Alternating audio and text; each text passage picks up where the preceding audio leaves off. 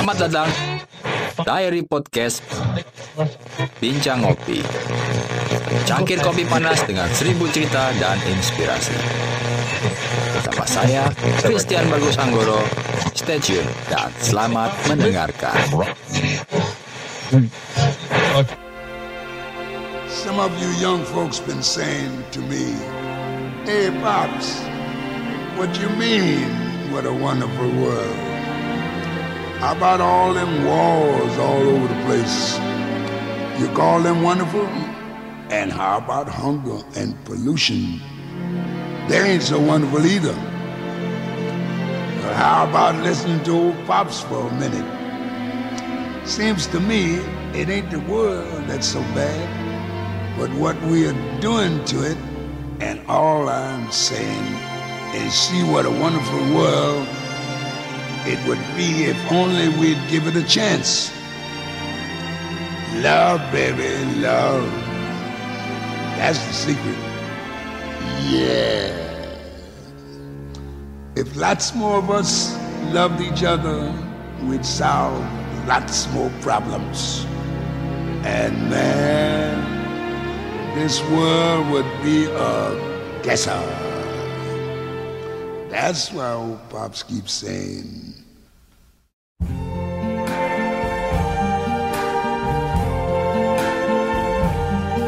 I see trees of green, red roses too. I see them bloom for me and you. And I think to myself, what a wonderful world.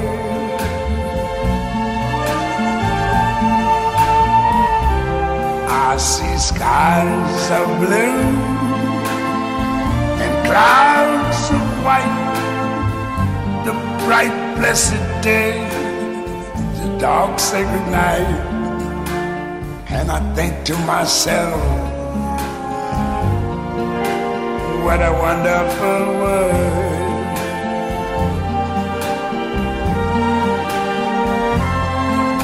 The colors of the rainbow, so pretty in the sky, are also on the faces of people going by. I see friends shaking hands, saying, How do you do? They're really saying, I love you. I hear babies cry. I watch them grow.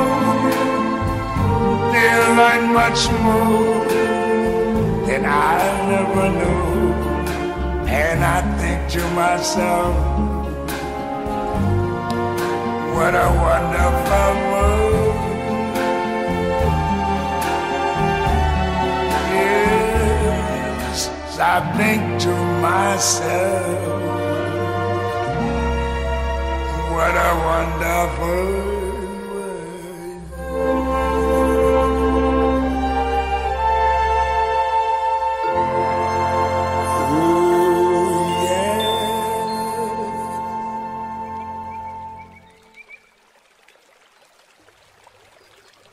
Hai sahabat Bincang Ngopi. Bertemu lagi dengan saya Christian Bagus Anggoro sebagai sahabat ngopi kalian.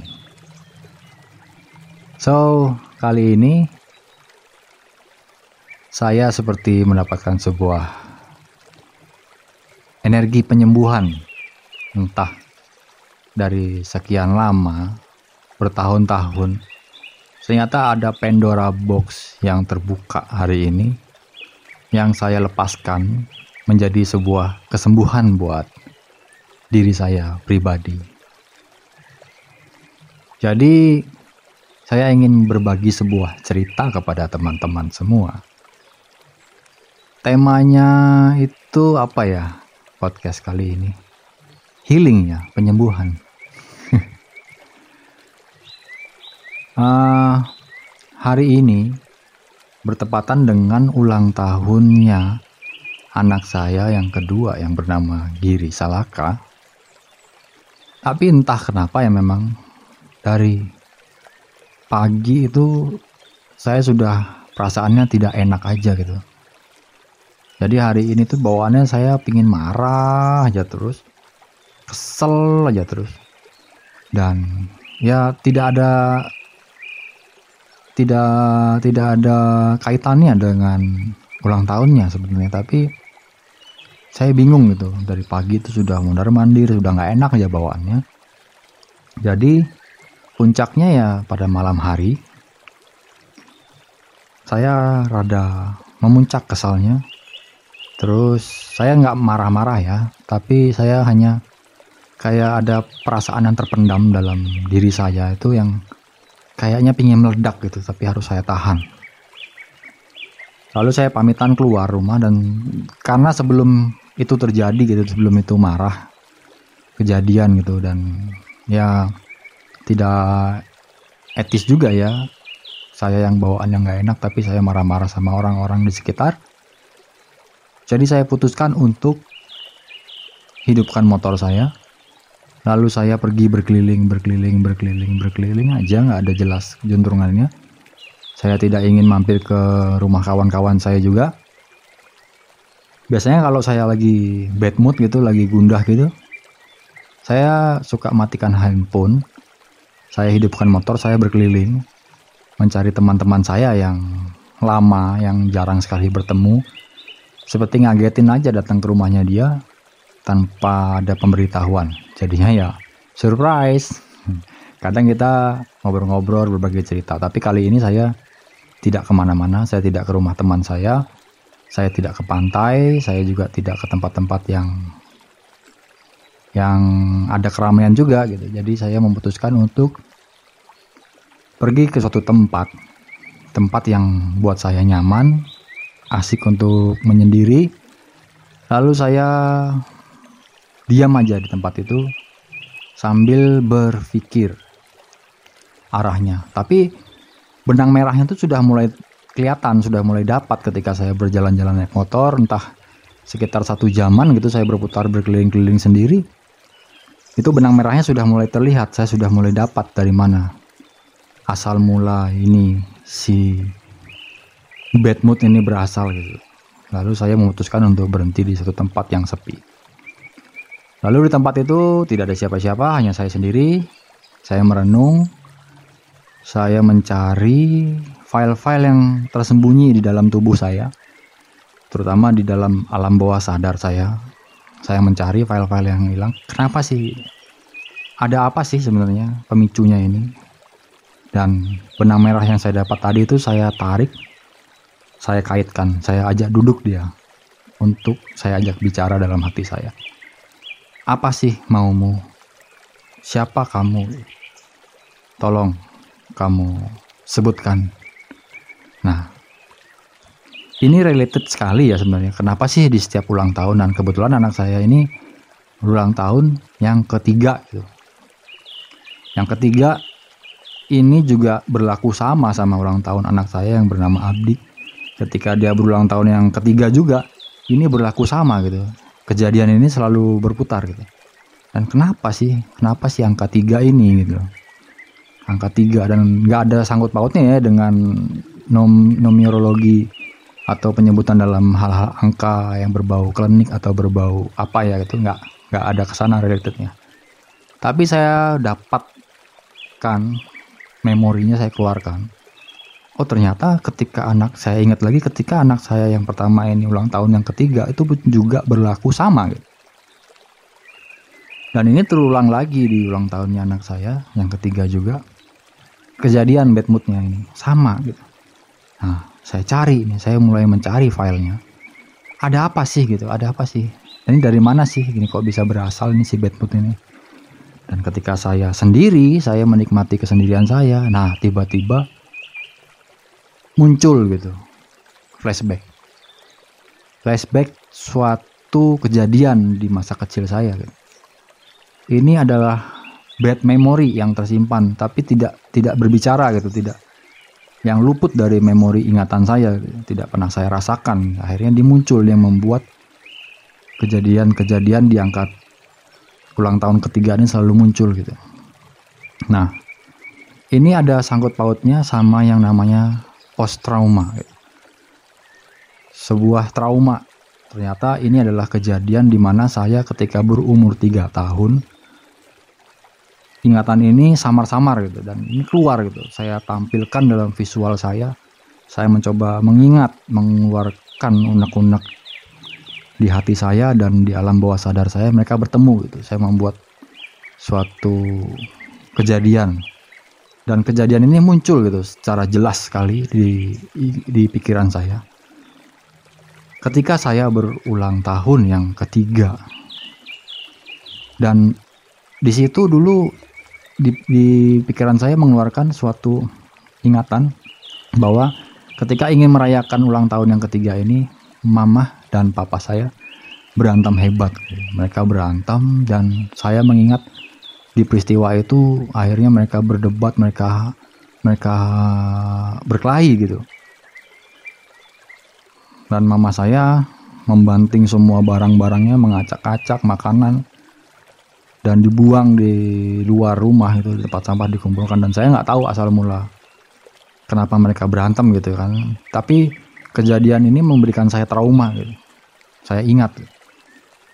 Saya ingat waktu itu saya duduk di pojok saya menutup kuping saya dan mengatakan ini ulah ulang tahun saya gitu. Mereka berantem. Gitu. dan saya nggak tahu sebab akibatnya itu seperti apa gitu. Dan di ulang tahun ini yang menjadi bekas ulang tahun saya waktu berusia tiga tahun itu menjadi bekas gitu. Yang saya ingat yang tersimpan dalam memori saya. Yang akhirnya hari ini muncul saya dapatkan benang merahnya. Saya berusaha untuk menyembuhkan dia gitu. saya berdamai dengan kejadian itu karena dia keluar dan yang menjadi benang merah dari peristiwa itu ketika hari itu saya disalahkan gitu saya disalahkan di ulang tahun saya yang ketiga itu saya disalahkan sama sama keluarga saya sendiri, terutama saudara saya gitu. Mereka menyalahkan gara-gara kamu ulang tahun ini dirayain. Mama papa jadi berantem. Itu yang keluar ingatan itu yang keluar di pikiran saya tervisual akhirnya. Wah, ini dia gitu. Inilah momennya gitu. Inilah momen yang membuat hati saya tuh Bunda selama bertahun-tahun belakangan ini. Kenapa ketika ulang tahun angka 3 itu selalu selalu terjadi hal yang serupa gitu. Akhirnya saya memutuskan untuk berdamai sama kejadian itu. Saya tidak mau menjadikan itu sebuah trauma, suatu dendam atau hal lainnya. Saya memvisualkan diri saya yang dewasa ini datang ke masa lalu. Di dalam pikiran itu saya memvisualisasikan saya sedang duduk di pojok. Saya yang dewasa ini datang menjadi tamu. Lalu mengeluarkan tangan, menarik diri saya yang masih kecil itu keluar dari kejadian itu. Sambil berbicara gitu, menitipkan sebuah pesan. Seperti sebuah pesan ya, tapi itu adalah rekayasa pikiran saya yang yang saya ciptakan untuk berdamai sama diri saya sendiri di masa kecil. Dan saya mengatakan bahwa saya menitipkan pesan bahwa sudahlah maafkanlah mereka. Hidup itu akan baik-baik saja kok. Relakan ikhlas dan damai lalu saya memeluk diri saya sendiri ini kejadiannya sama seperti saya bertemu dengan ayah saya ketika ayah saya sudah meninggal saya berusaha untuk memvisualisasikan ayah saya yang masih ada duduk dan berbicara sama saya untuk bisa berdamai dengan keadaan. Nah, cara seperti itu saya gunakan juga di kejadian ini gitu. Saya memeluk saya memeluk diri saya, saya memeluk ibu saya, saya memeluk ayah saya, saya memeluk saudara-saudara saya. Dan saya katakan, maafkan saya dan saya maafkan kalian semua atas kejadian ini. Udah, jadinya ketika saya berbicara seperti itu, saya berdamai dengan suatu peristiwa dalam hidup saya yang kebawa sampai saat ini. Tapi saya sendiri pun tidak pernah paham atau memunculkan ingatan-ingatan itu di dalam bawah di dalam pikiran saya. Dan ternyata itu tersimpan di dalam memori alam bawah sadar saya. Itu sering muncul dan itu mengganggu menjadikan badan saya itu sakit gitu ya. Jadinya badan saya itu merasa nggak enak seperti cemas seperti nggak tenang deh pokoknya. Oh ternyata saya mendapatkan suatu peristiwa ini seperti ini dan ketika saya memaafkan dan ketika saya merasa saya memeluk keadaan itu saya damai. Saya ada merasa kayak pikiran saya wah plong gitu. Saya merasa kayak merasakan dapat suntikan energi. Yang menjadikan saya dulu mungkin kesel yang ke bawah itu saya masih memvisualkan tadi itu adalah hadiah saya yang diberikan itu itu juga ikut dihancurkan gitu ikut hancur dan saya merasa marah di situ ada barang-barang yang saya sukain juga dihancurkan akhirnya kekesalan itu tersimpan rapi di dalam jiwa saya, di dalam pikiran saya dan itu menjadi file yang harus dikeluarkan. Dan ketika dikeluarkan saya mempelajari dan wow, ternyata I got the point ya. Saya mendapatkan benang merah yang yang saya tata lagi satu-satu gitu. Ketika kejadian itu muncul, saya merasa bersalah kepada kedua anak saya ya ketika dia ulang tahun kenapa harus tiap ulang tahun ketiga itu saya melihat angka tiga ditiup lilinnya itu merasa saya bawa kesel gitu bawaannya itu marah gitu dan wow ternyata itu tersimpan rapi dalam bawah sadar saya dan itu menjadi hal yang menyerang ketika saya melihat ulang tahun yang ditiup angka tiga dan itu menjadi nggak asik juga gitu loh selama ini saya simpan siapa aja yang ulang tahun di angka tiga itu dan saya paham sekarang kenapa saya tidak pernah mau datang ketika orang ulang tahun ketika meniup lilin yang ketiga itu. Dan jawabannya saya sudah dapatkan sekarang karena saya mengizinkan diri saya tadi mencari itu. Saya tidak mau terbawa emosi. Saya menguasai diri saya. Saya pergi dari rumah sebentar, ya satu jam dua jam lah. Saya keluar, saya menikmati naik motor sendiri malam hari, ya melihat sekeliling, lalu melihat keadaan sekitar, lalu saya izinkan saya duduk di suatu tempat yang sepi sambil mengoreksi diri sendiri. Apa yang salah dari dalam diri saya? Something wrong happen in past gitu di masa lalu. Dan I got the point. Saya menemukan. Dan ketika saya membuat podcast ini, saya berbicara tuh ada rasanya tuh kayak saya sudah nggak akan ada tembok penghalang lagi sama yang namanya ulang tahun yang ketiga gitu dan trauma-trauma itu bukan saya buang begitu saja. Saya berdamai dengan dia. Sekarang dia menjadi sebuah sebuah memori yang baik yang akan saya simpan dalam pikiran saya.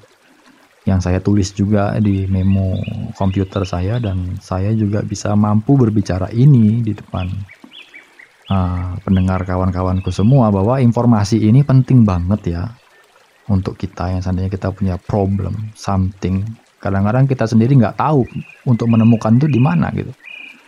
Kadang-kadang kita ada ngeliat kita tuh marah bawaannya kesel kayak kayak connectnya tuh kayak tiba-tiba aja marah gitu kayak ada yang orang melihat sesuatu hubungan yang baik tuh perasaan itu tidak enak gitu. Kayaknya nggak seneng aja melihat sesuatu yang yang baik itu terjadi. Itu juga bisa saja kita punya post trauma syndrome. Dan trauma itu harus kita sembuhkan gitu. Sembuhkan itu artinya kita diri kita sendiri yang harus mencari. Izinkan waktu miliki waktu untuk sendiri. Lalu kita mencari gitu. Apa poin-poinnya ketika yang itu tuh membuat dirimu tuh diri kita itu terganggu gitu. Kita nggak asik gitu. Itu kita sendiri yang mampu mencari ya.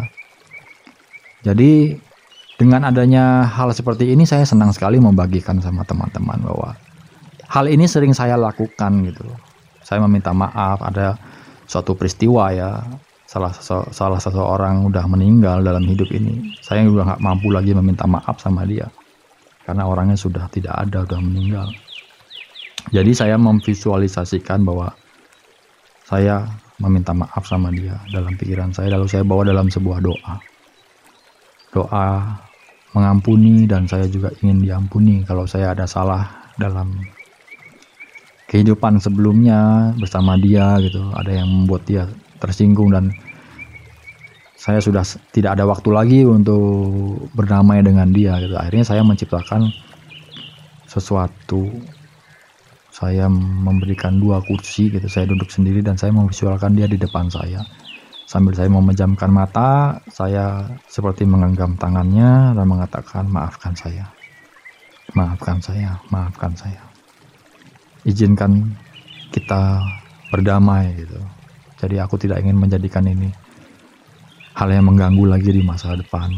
Jadinya hal seperti ini dan ternyata hal yang saya barusan ceritakan ini luput selama bertahun-tahun dalam hidup saya dan ketika saya naik motor saya berterima kasih sekali hari ini saya sangat-sangat berterima kasih sekali. Wow ternyata saya luput, saya sendiri pun luput dari suatu peristiwa yang saya simpan jauh dan sangat deep gitu ya, deep, sangat dalam sekali. Saya mencabutnya, lalu saya berdamai, lalu saya izinkan memori ini tersimpan rapi di pikiran saya. Sudah dapat file ini. Sebagai sebuah kenangan yang mampu saya bagikan juga sama teman-teman di sini bahwa ketika kita merasa something wrong sama tingkah-tingkah kita sendiri merasa kesel bawaannya terhadap satu hal gitu coba deh kita renungkan kita pelajari baik-baik. Izinkan tubuh kita itu merasakan kembali diam menikmati suasana. Tidak ada gangguan ya. Cari satu persatu file itu. Ya kita ketika kita dapat merasakan ada suatu peristiwa gitu tarik dia ajak dia berbicara. Kita visualkan secara gamblang ingatannya itu tiba-tiba seperti film aja gitu teman-teman. Seperti film yang keluar gitu dan oh itu adalah jiwa saya ketika masih kecil yang harus saya selamatkan dari kejadian itu. Ayo saya tarik dia. Maafkan mereka gitu. Maafkan mereka. Dan kalaupun ketika itu kita punya salah ya kita minta kita bilang ya kita minta maaf dalam sebuah doa dan dalam sebuah peristiwa terhadap diri kita sendiri kita mampu mengatakan terhadap diri kita sendiri saya memaafkan segala sesuatu dan keinginan-keinginan yang salah dalam hidup ini. Saya minta maaf. Saya mau berdamai dengan diri saya sendiri. Saya mau berdamai dengan masa lalu. Dan ajaib ajaib men. Ini sangat totally sangat menyembuhkan sekali. Sangat plong rasanya lega merdeka. Badan kita yang nyimpan sesuatu yang kita sendiri nggak tahu menyelesaikannya seperti apa. Bahkan ketika kita berkali-kali curhat sama teman-teman kita sama sama siapa aja kita curhat ya kita bahkan nggak menemukan bahwa kita simpan itu semua di dalam tubuh kita sendiri di dalam pikiran sendiri itu mengganggu ketika kita tidur ketika kita apa aja kadang-kadang hal-hal itu mengganggu kehidupan kita gitu nah inilah intisarinya gitu kawan-kawan bahwa kita harus berdamai dengan kehidupan dan kepada diri kita sendiri bahwa hanya kita sendiri yang mampu untuk menemukan peristiwa-peristiwa apa yang pernah terjadi dalam hidup kita. Peristiwa itu buruk ya tentunya ya yang saya katakan di sini bahwa bukan peristiwa kebahagiaan saja yang harus kita cari gitu bahwa peristiwa buruk itu harus kita cari dalam hidup kita lalu kita pelajari lalu kita ajak dia berdamai. Dan ketika kita sudah berdamai, kebahagiaan itu tiba-tiba muncul aja. Dan ketika kita merasakan kebahagiaan. Kita tidak perlu mencari kebahagiaan-kebahagiaan dengan cara yang cara yang salah, teman-teman. Dan luar biasa.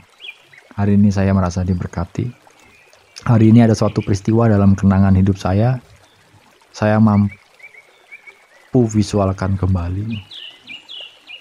Dan saya melihat masa kanak-kanak saya sedikit lebih baik lagi di masa depan, di masa sekarang gitu karena saya sedang memeluk diri saya di masa lalu.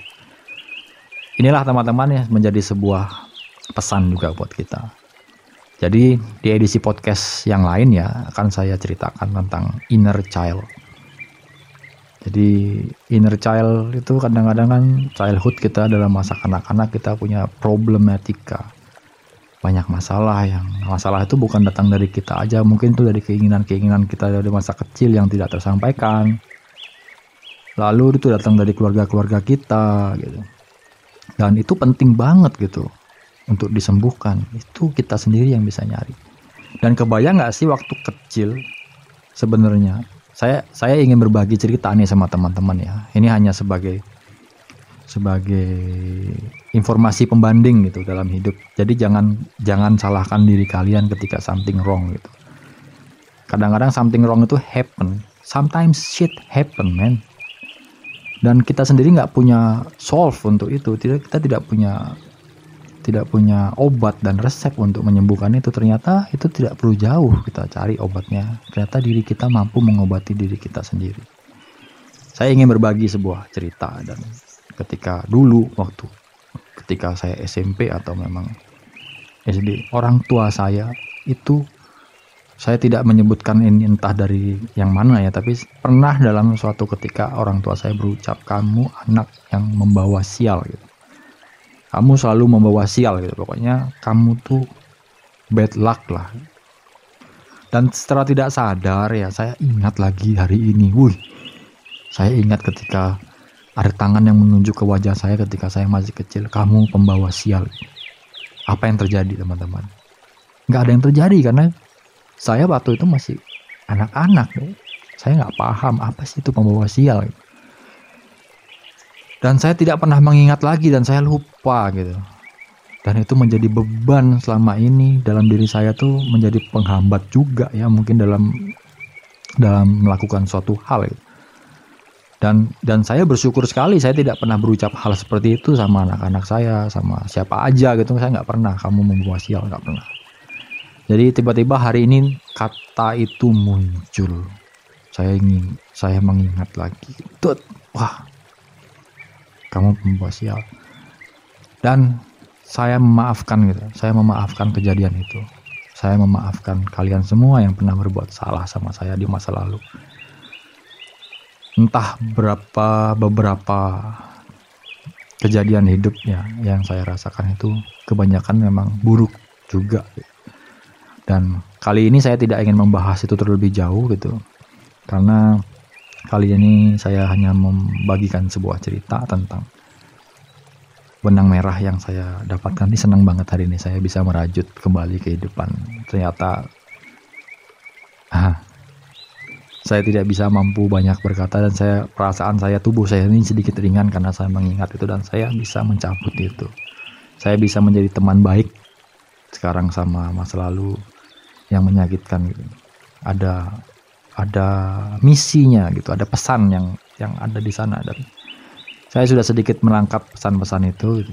Jadi ya saya mampu bercerita seperti ini kepada kawan-kawan semua bahwa jangan abaikan diri kalian, telusuri apa yang menjadi pengganggu gitu, apa yang menjadi tembok dalam hidup kalian, runtuhkan itu. Bawa masa lalu itu sembuhkanlah diri kalian.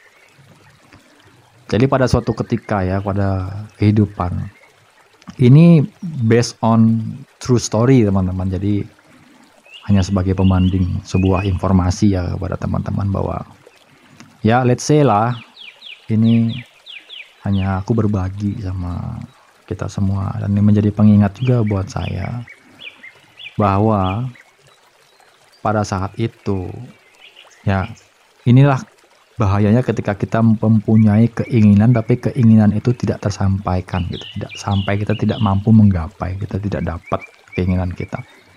Itu menjadi penghalang. Akhirnya kesian gitu loh menyalahkan orang menyalahkan orang yang sudah dihadirkan ke muka bumi ini. Jadi ketika saya masih anak-anak saya saya dapat benang merah ini semua gitu. Saya bersyukur sekali dan saya beruntung sekali gitu. jadi ketika lahir kakak saya yang pertama itu seorang laki-laki gitu. Lalu kedua orang tua saya ingin mempunyai anak wanita gitu anak perempuan. Lalu lahirlah saya sebagai laki-laki lagi gitu dan akhirnya mungkin ada kekecewaan dari mereka mereka tidak dapatkan apa yang mereka inginkan bahwa anak yang lahir itu adalah laki-laki gitu anak kedua itu laki-laki. Dan uh, inner childhood yang saya ceritakan tadi itu juga ada sebabnya gitu ada akibatnya gitu. Sebabnya tuh ketika anak saya setiap yang nomor dua ya terutama yang nomor dua ini lahir itu kayak ada kegondokan tertentu gitu. Rasanya tuh berbeda gitu loh. Sama seperti saya gitu anak saya. Saya kan juga anak yang ke nomor dua gitu. Ketika saya lahir mereka tidak menghendaki saya bahwa lahir lagi laki-laki dan mereka menginginkan anak perempuan jadi penerimaan mereka terhadap diri saya tuh juga agak sedikit berbeda ketika kecil. Bukan berarti saya didandanin seperti perempuan ya dijadikan feminim ya tidak. Tapi penerimaannya itu tidak tidak seperti saudara-saudara saya yang lain. Ada ada bahwa apa yang mereka dapat yang mereka inginkan tuh mereka tidak dapatkan. Lalu lahirlah anak anak orang tua saya yang ketiga itu adalah perempuan dan jelas sekali sayangnya tuh berbeda gitu sayang antara anak yang ketiga yang sudah mereka dapatkan perempuan mereka sayang mereka mau dengarkan dia dan yang nomor satu ya anak pertama kan kadang-kadang mereka mendapatkan segalanya gitu. dan kebayangkan anak yang di tengah ini terjepit antara mau ke mana gitu. dan kalau teman-teman pendengar ya mendengarkan podcast-podcast saya sebelum-sebelumnya bahwa nah poin-poinnya tuh benang-benangnya itu kan kalian semua bisa dapatkan gitu. Saling memaafkannya itu. Jadi seperti apa? Kenapa saya menjadi bad boy, troublemaker, menjadi orang yang hidup di luar gitu, hidup di jalan? Karena saya merasa saya sendiri gitu. Saya merasa tidak dapatkan dukungan dari mereka gitu. Karena memang sejak lahir itu saya saya sudah di tidak terlalu diingini bukan sebagai anak lahir di luar pernikahan ya, tapi ada sesuatu yang tidak mereka dapatkan gitu. Jadi ya kalian punya penjabaran informasi masing-masing seperti apa perasaan kalian ketika kalian mendengarkan ini atau aku pun juga berbicara seperti ini bercerita ada adik-adik ya teman-temanku juga yang merasakan hal sama karena kan kita aktif gitu saya sendiri juga aktif dalam suatu perkumpulan di mana adik-adik itu ada yang dibilang anak-anak nakal orang-orang yang dibuang yang terzolimi lah dalam hidup itu saya juga ikut berkumpul di sana bahwa dengan cara memaafkan keadaan, saya mampu bergabung ke dalam suatu komunitas yang di mana komunitas itu kita saling merangkul. Di komunitas itu kita sama-sama saling dicintai gitu. Kita sama-sama saling dihargai. Kita sama-sama saling disupport. Kita sama-sama saling menguatkan. Jadi teman-teman, please jangan abaikan. Pesanku hanya jangan abaikan kenyataan hidup dan jangan tinggalkan masa lalu. Jangan dimasukkan ke dalam kotak.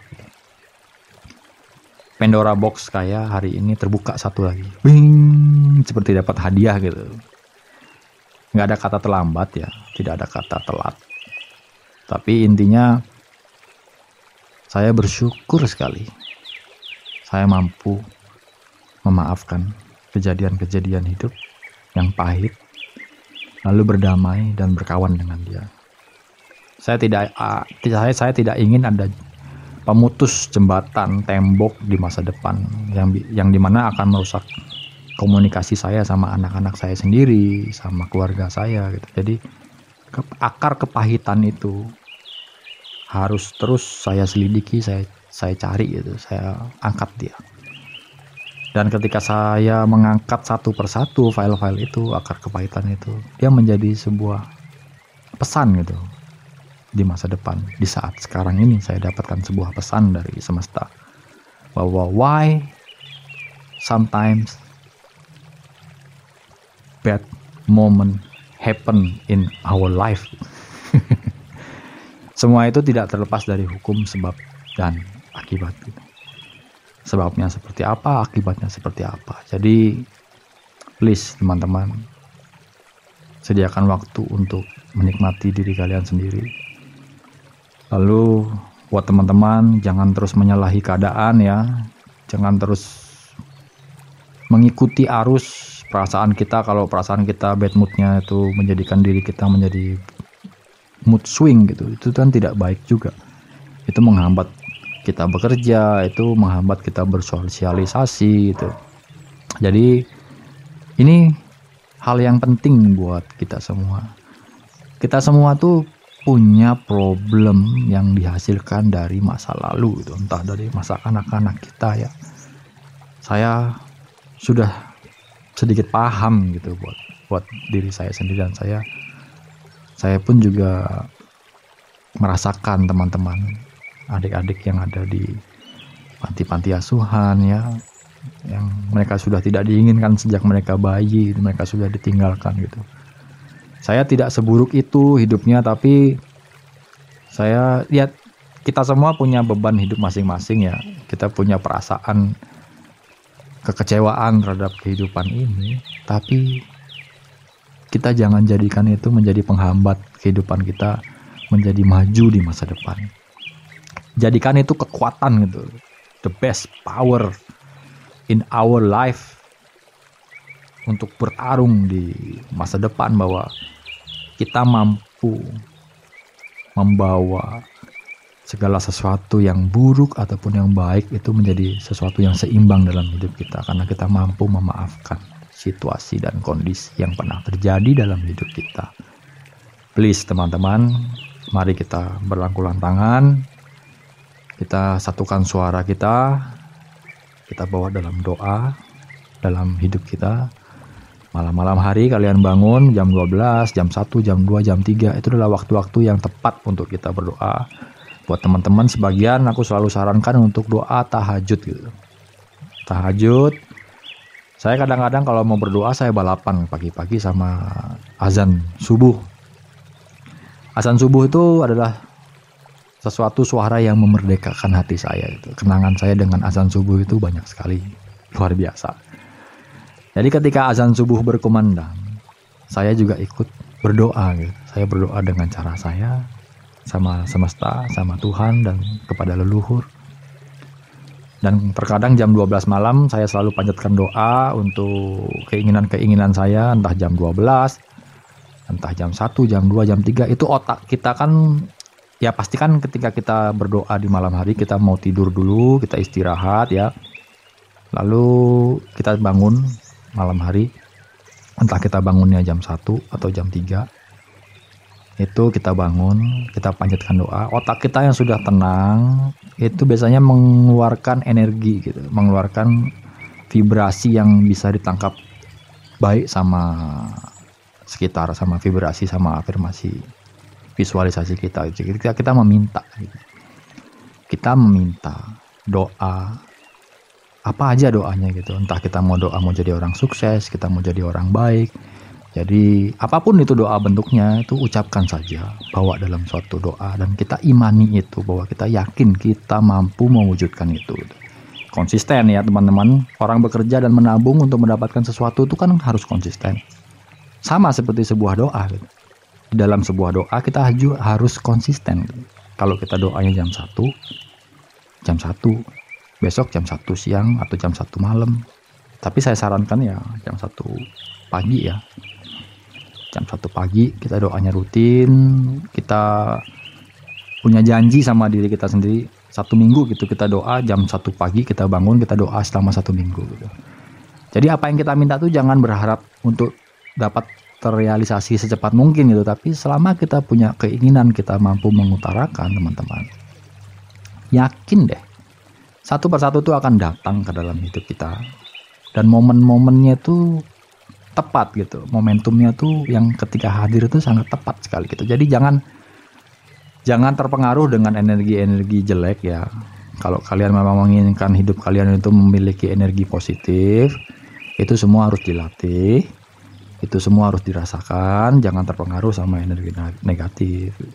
Energi energi energi energi negatif itu memang mempunyai syarat pesan sama kita. Tapi ketika kita sudah terlindungi dalam kum dalam bola positif itu akan datang itu tidak bisa merusak kita tapi kita mampu merasakan dia gitu oh energi negatif ini seperti ini kita bisa mampu berdekatan dengan dia tanpa harus melawan dan memusuhi si negatif ini. Kita bisa ubah dia menjadi energi positif, dia mendorong kita, mendapatkan kita kekuatan dan energi yang lebih besar lagi gitu. Jadi pagi-pagi itu syaratnya buat kita semua izinkan diri kita tuh diam sejenak. Lebih gampangnya itu nggak usah kita berpikir meditasi lah ya atau hal-hal lainnya kalau memang kita mampu memfokuskan diri meditasi atau memang tingkatan-tingkatan kalian sudah lebih tinggi lagi pasti kalian sudah paham lah harus bagaimana. Jadi ini yang saya ceritakan hanya berdasarkan apa yang saya lakukan daily base ya. Doa itu buat saya wajib. Mau terlepas dari hidup itu A, B, C, D, orang tidak percaya sama Tuhan, orang itu tidak percaya pada agama, itu masalah mereka itu. Itu tidak menjadikan saya masalah buat diri saya. Dan kalau saya beriman, saya memilih punya Tuhan, dan memiliki agama dan saya mampu mencerminkan diri saya menjadi orang yang baik harus diperjuangkan dan harus dipertahankan memang sakit loh tapi tidak masalah kan kita punya pilihan hidup dan kalaupun kalian punya pilihan hidup untuk tidak percaya juga tidak masalah. Jadi menjadi masalah atau tidak masalah itu hanya kita yang bisa menyikapi betul atau tidak. Kita harus merasakan dong ya.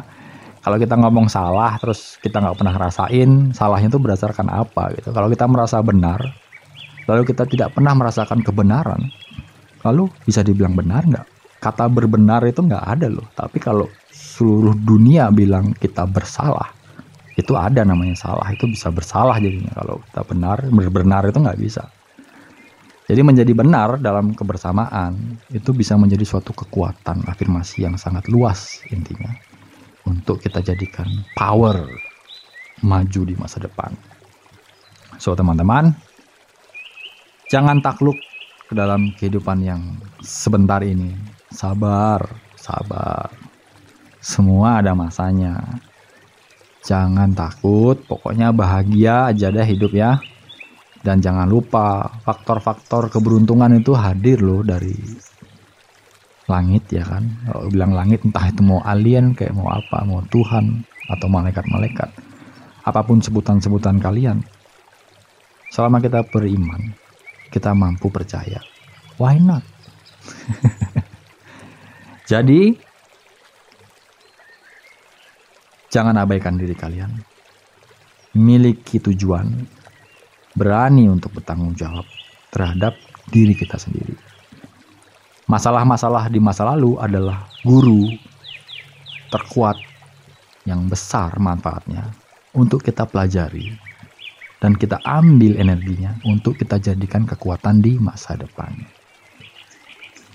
Ingat teman-teman, salah atau benar, sesuatu itu bisa menjadi berwarna sesuatu yang salah bisa dianggap benar, dan sesuatu yang benar bisa dianggap salah. Jadi dari mana perspektif kita melihat dan berpikir, segala sesuatunya itu memiliki dua kemungkinan. Karena buat kita benar bisa juga salah.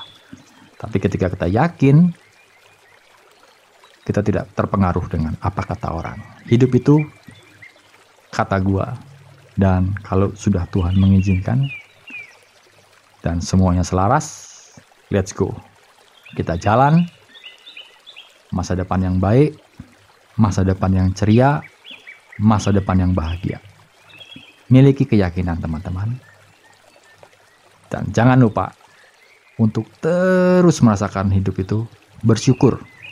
Ketika kita bersyukur, rasa kebahagiaan itu terus muncul mengisi kehidupan kita. So, don't give up. Sampai bertemu lagi dalam edisi podcast berikutnya bersama saya, Christian Bagus Anggoro, sebagai sahabat ngopi kalian. Sehat selalu, Tuhan memberkati. See you dan sampai jumpa.